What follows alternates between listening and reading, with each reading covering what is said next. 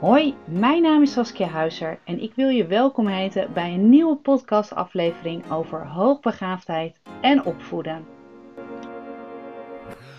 Hoi, wat leuk dat je weer luistert. En uh, vandaag gaan we podcast 105 opnemen. Maar ik wil nog heel even terugkijken eigenlijk op de afgelopen weken. Want ik heb toen uh, eigenlijk vanaf mijn honderdste podcast heb ik een uh, weggeefactie georganiseerd. En daarin vroeg ik eigenlijk of mensen een formulier wilde invullen uh, om iets te laten weten over de podcast. En daar heb ik enorm veel reacties op gehad. En afgelopen week heb ik uh, nou ja, de gelukkige winnaar uh, getrokken. En deze persoon heeft ook een mailtje van mij ontvangen dat, dat in ieder geval gewonnen is. En uh, uh, voor alle andere mensen die mee hebben gedaan, heb ik een troostprijs in ieder geval ook uh, doorgestuurd per mail. Dus mocht jij hebben meegedaan en mocht jij die niet hebben ontvangen, deze mail, die is er voor morgen uitgegaan. Check even ook je spam eventueel. En dan, maar dan laat het me dan eventjes weten, want dan krijg je nog even aparte mail. Uh, dank jullie wel in ieder geval voor alle tips, tops, reviews, vragen voor eventuele toekomstige podcasts. Ik ben er ongelooflijk blij mee en weet dat je ook altijd uh, feedback aan mij kunt geven. Ik sta daar enorm voor open. Als je mij een heel groot plezier ook wil doen, dan uh, zou het fijn zijn als je een waardering eigenlijk ook kan doen op Spotify of bijvoorbeeld op Google Podcast of Amazon. Daar is die ook op te beluisteren ondertussen. Of op uh, Apple. Dan uh, zorg je in ieder geval voor dat uh, deze podcast beter vindbaar is voor ouders die hier ook behoefte aan hebben. En um, ik ga daarom vandaag uh, naar aanleiding van alle vragen die ik heb gekregen, ga ik ook een, uh, een, vraag beantwoorden die uiteindelijk uit een van de formulieren ook is gekomen. En dat is de vraag vriendschappen. Hoe kan mijn kind daar om mee gaan met sociale interactie? Uh, mijn kind heeft daar wat meer moeite mee ook. En ehm, ja, hoe laat je ook bijvoorbeeld het andere kind begrijpen dat ja, jouw kind, of het misschien vastgesteld hoogbegaafd is of een ontwikkelingsvoorsprong is, hoe, ja, waar, waarom je kind misschien anders kan reageren, um, maar dat kinderen ook begrijpen hoe dat zit. Dus ik ga uh, op verschillende perspectieven ga ik deze vraag beantwoorden.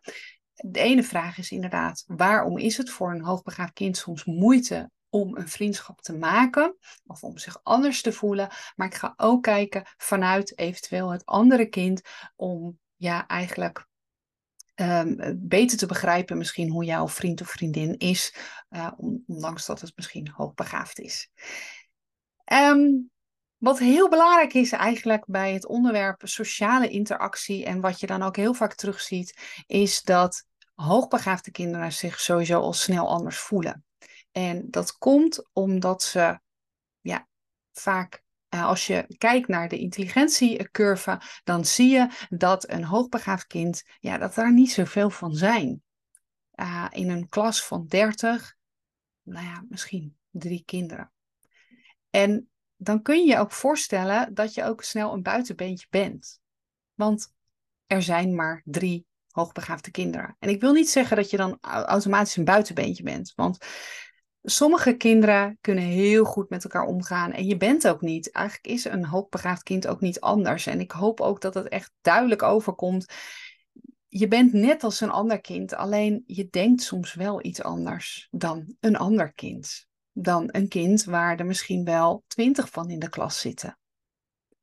En soms lukt dat prima om daarmee om te gaan, maar soms is het ook wel ingewikkeld.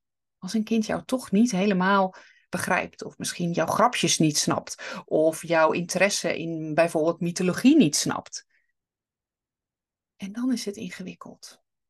Ik heb uh, uh, ouders begeleid van een jongetje. En dat jongetje dat, uh, had enorm veel interesse in nou ja, allerlei soorten slangen. Maar dan niet gewoon uh, de bekende slangen, maar ook wat voor type gif. Hoe lang het duurde voordat je eventueel nou ja, uh, verlamd kon zijn of eventueel kwam te overlijden. Wat het tegengif dan is, waar die slang zich bevindt, waar die woont. Um, uh, of het ook echt daadwerkelijk een vijand is voor de mensen of dat het meer uit een noodgreep zeg maar je kan bijten. Um, op welke manier gif komt uit de bek zeg maar komt. Nou, dat zorgde ervoor dat andere kinderen in deze klas, en dit was een jongetje in groep 5, die hadden allemaal zoiets, ja, ik vind het leuk om iets te weten over de python of over de anaconda of over de adder. Maar verder, ja, boeit het me niet zo. En hij ging daar smiddags helemaal in op. Als hij thuis kwam, dan ging hij filmpjes kijken op YouTube. En hij ging van allerlei dingen en uh, of allerlei interesses had hij uiteindelijk om nog meer te weten te komen. Maar goed, dat jongetje kreeg dat niet terug van school. En ook als hij wel een ander vriendje of vriendinnetje meenam, dan had uh, hij of zij zoiets van: Ja, sorry, maar uh, ik ga veel liever ga ik iets anders met jou doen. En dat zorgde ervoor eigenlijk dat dit jongetje heel uh, bewust ook tegen zijn ouders zei: Ik ben volgens mij anders, ik ben raar, ik ben gek, waarom begrijpen ze me niet? Ik vind andere kinderen vind ik stom. Uh, ik wil niet meer naar school. En dan zie je ergens dat je kind wil dus wel contact hebben, maar op zo'n moment is die interactie tussen andere kinderen is dan eigenlijk moeizaam. Probeer in ieder geval zoveel mogelijk met je kind te praten over zijn of haar gevoelens en ervaringen. Uh, luister naar je zoon of dochter wat ze te zeggen hebben en ook hoe ze zich kunnen voelen. En ik hoop altijd maar dat je op die manier ook een, al ten alle tijde een ingang geeft dat je kind ook zijn of haar emoties durft te delen ook. En dat hij of zij ook die vrijheid voelt. Als je namelijk niet zo'n open communicatie hebt, dan kan het zijn dat je kind zich misschien wel helemaal gaat afsluiten. Want ja, het is misschien toch wel raar of anders, denkt toch wel anders. Dus probeer heel erg daarvoor open te staan en ook weer zonder oordelen. Het komt bijna ook in iedere podcast terug, maar probeer zo min mogelijk oordelen te hebben of mee te gaan met je kind. Want dat is niet helpend. Hoe lief bedoeld ook dat je denkt, ik ga mee met mijn kind, ik ga meedenken, ik ga meevoelen en meeleven. Tuurlijk mag dat allemaal, want je bent een liefdevolle ouder. En helemaal als je deze podcast ook luistert, ik wil je dat toch meegeven, dan uh, wil je echt wel het allerbeste voor je kind. Dat je de moeite neemt om naar mijn geklets of mijn gepraat, zeg maar, te luisteren. Probeer dus open daarvoor te staan. En geef ook aan dat ieder kind anders is. Een hoogbegaafd kind of een slim kind of een kind met ontwikkelingsvoorsprong is niet raar, is niet per definitie heel anders. Maar gewoon ieder mens is anders. En dan kun je ook voorbeelden noemen. Jij kan anders zijn dan misschien wel, heb jij wel een broer of zus, eh, dan je broer of zus. Iedereen is anders. En daarom wil ik ook niet specifiek de hoogbegaafde kinderen in, zeg maar, in een hokje duwen, dat die alleen maar anders zijn. Nee. Je mag anders zijn, juist. En ik vind het ook heel belangrijk. Welke geaardheid, geloof of wat dan ook je hebt, je mag anders zijn. Alleen, het is soms wel moeilijk om die connectie te maken met de ander die ook anders kan zijn. En juist dat vinden uh, slimme kinderen wel ingewikkeld. Dus soms helpt het ook om uitleg te geven over hoogbegaafdheid, dat je ook daar iets over vertelt, of vertelt over een ontwikkelingsvoorsprong, en dat je heel erg gaat kijken ook van, hé, hey, maar wat zijn nou jouw sterke punten? Wat zijn jouw talenten? En dus maak je er een soort talentenkaart van. En niet alleen van, van je kind, van je zoon of dochter, maar misschien ook van je andere kinderen. En misschien ook wel van jezelf of van je partner. Hoe leuk is het om te weten, nou, dat is een compliment of een talent van jou. En daarmee geef je ook, laat je ook heel erg zien dat je allemaal anders bent. Maar dat je wel allerlei, op allerlei gebieden kan uitblinken.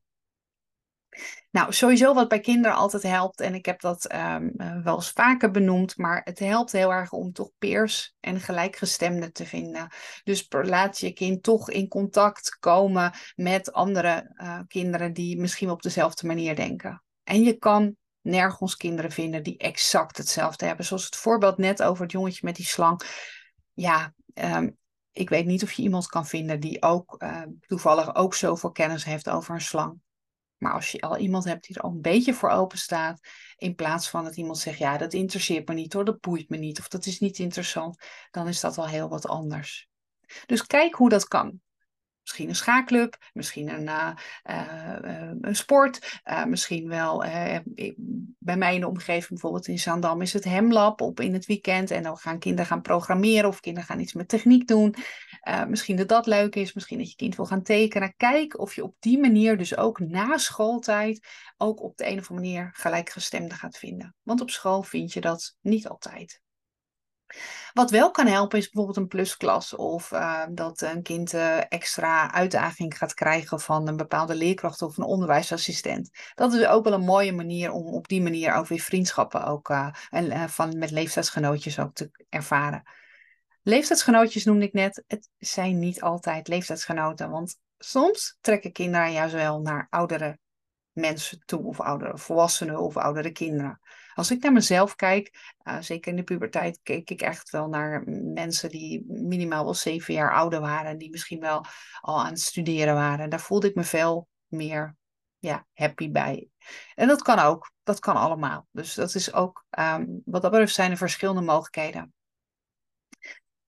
Nou, mocht je kind echt het heel moeilijk vinden om sowieso aan te geven wat zijn of haar gevoelens is, dan is het misschien handig om eens te kijken of een, uh, een specialist, uh, in ieder geval een, een, expert daarnaar kan kijken, door middel van bijvoorbeeld uh, rollenspel, oefeningen. En meer als een soort speltherapie. Dat kan helpend zijn. Maar als je kind het soms gewoon ingewikkeld vindt, ja, ik zou daar zelf niet al te veel mee doen. Maar mocht je echt denken, nou, ik denk echt dat mijn kind dat heel moeilijk vindt en dat mijn kind dat ook niet goed kan, dan zou je kunnen kijken inderdaad naar bijvoorbeeld een therapeut, een speltherapeut bijvoorbeeld. Wel zeg ik erbij, kijk even naar iemand die ervaring heeft met hoogbegaafde kinderen. Dat vind ik zelf altijd prettig. Jij moet zelf kijken bij wie jij, bij wie jij het prettigste voelt, maar dat zou in ieder geval kunnen helpen. Nou, wat uh, uh, anders, uh, wat ook uh, heel fijn is in ieder geval ook om mee te nemen, is dat als jij zelf als ouder ook misschien wel onder peers komt. er is ook een groep Peers for Parents. Ik ben ook Peers for Parents facilitator. En dat betekent dat je met andere ouders, gelijkgestemde ouders, dus ook ouders die een hoogbegaafd kind hebben, ook met elkaar in gesprek kan gaan. En dat je met elkaar ook ja, contacten kan hebben over hoe uiteindelijk ook uh, hoe je met elkaar om kunt gaan. En vaak komen deze ouders, die gaan dan ook nog wel eens naast de training of naast de cursus met elkaar afspreken. En dan nemen ze de kinderen mee. En dan merk je dat dat vaak ja, heel erg goed klikt ook. Dus ook dat kan helpend zijn. Maar wat uh, moet je dan doen, zeg maar, om nou ja, die connectie wat beter te krijgen? Dus ook vanuit het andere kind eigenlijk uh, uit. Nou, je kunt kinderen niet forceren. Je kunt kinderen niet forceren in het maken van contacten, in het maken van um, of het delen van interesses. Dat lukt niet. Wat wel soms helpend kan zijn, is stel dat je kind een hele leuke vriendschap heeft met een kind. En dat hoeft helemaal geen hoogbegaafd kind te zijn. Maar wel gewoon een leuke vriendschap waarin ze nou ja, elkaars buddies kunnen zijn, uh, een ei kwijt kunnen, misschien wel in hobby's of interesses. En dan zijn er bijvoorbeeld wel eens momenten dat dat dan op de een of andere manier die vriendschap dan wat minder goed verloopt. Ze begrijpen elkaar niet. Bijvoorbeeld als een kind um, um, ook met andere kinderen gaat spelen. Ik krijg wel eens te horen van, uh, van ouders die zeggen ze: Ja, mijn kind heeft het gevoel helemaal alleen gelaten te worden. En dat het nu niet meer, uh, dat het niet meer een beste vriend of vriendin heeft, omdat hij of zij ook met een ander uh, kind uiteindelijk ook gaat spelen. Die interacties of die systemen en patronen, dat is wel altijd heel fijn om dat met elkaar te bespreken in ieder geval. Het kan erbij. Je hoeft niet altijd één vriend of vriendin te hebben. Je bent niet meteen elkaars, ja, niet meer best friend omdat je met een ander speelt. En dat is wel fijn om dat te bespreken. Het kan wel bij het andere kind zorgen van, oeh, hij of zij claimt mij wel heel erg. Ik moet altijd maar met, met hem of haar spelen. En ik wil dat niet altijd. Ik wil ook wel eens met iemand anders uit de klas spelen of iemand anders van de sport. Probeer dit dan uit te leggen. Probeer uit te leggen ook zowel aan je eigen kind als het andere kind ook van nou ja, ik vind het, uh, het is moeilijk voor, nou als je vanuit het perspectief vanuit het hoogbegaafde kind kijkt, het is moeilijk om dan juist um, een vriendschap misschien te delen omdat je kind het misschien wel niet zo ervaart. En dat kun je best aangeven, want jouw kind herkent dat misschien niet om meerdere vriendjes of vriendinnetjes te hebben. En dat kun je dan ook aangeven. Maar andersom dus ook. Van ja, je kan als ouder vertellen, ik heb meerdere vriendinnen. Prima. En nog steeds ben ik heel blij met, ik noem maar wat, Susie, omdat dat mijn vriendin is. Maar zij mag ook met iemand anders afspreken. Dus geef dat ook heel, geef heel veel voorbeelden. Ook aan het andere kind uiteindelijk. Dat, wat het met een kind doet. Vanuit het vriendje kan het namelijk zijn, die maakt misschien heel makkelijk vriendschappen, terwijl jouw slimme kind dat helemaal niet doet. En dan is het gewoon eigenlijk, ja, ingewikkeld. Het, vriendje denkt, ja, maar je kan toch met iedereen spelen, terwijl jouw eigen kind denkt, ja, maar ik heb eindelijk een vriend of vriendin. Als je dat met elkaar bespreekt, hoe dat zit, dan weet ik zeker eigenlijk wel dat beide kinderen het in dit geval ook begrijpen. En dat gaat ook helpen. Dus soms kun je als ouder kun je wat uitleg geven op een hele luchtige, bijna ludieke manier. En dat kun je zowel aan je eigen kind doen, ook als aan het andere kind. En dat is denk ik ook heel belangrijk ook. Ik geef ook aan dat uh, misschien de vriendschappen die jij zelf als ouder hebt, dat die ook niet altijd misschien gemakkelijk zijn gegaan. En uh, deel dat ook. Met het vriendje of vriendinnetje, daar kun je moeilijk natuurlijk een hele les gaan geven. Hoe hoogbegaafde kinderen denken en wat ze eigenlijk nodig hebben. Dat lukt eigenlijk niet. Wel kun je aangeven dat jouw zoon of dochter het fijn vindt dat, um, om bijvoorbeeld heel veel te weten te komen over bijvoorbeeld die slangen. En dat dat helemaal niet iets is wat ieder kind heeft, maar dat jouw kind dat gewoon heel erg leuk vindt. Of dat um, je kind misschien snel onzeker kan zijn. Ik ben wel voorzichtig met dit benoemen, want het kan juist ook afstoten. Dus kijk wat je kunt bespreken. Soms kun je dit, dit soort zaken beter bespreken met een ouder, met de ouder dus van het vriendje of vriendinnetje, dan uiteindelijk met het vriendje of vriendinnetje zelf. Want als een ouder het weet, dan kan hij of zij misschien wel ook voorbeelden noemen ook voor het vriendje of vriendinnetje. Nou, ondertussen ben ik dit aan het vertellen en denk ik, kom je er nog uit wat ik allemaal zeg over vriendje, vriendinnetje en over je eigen kind?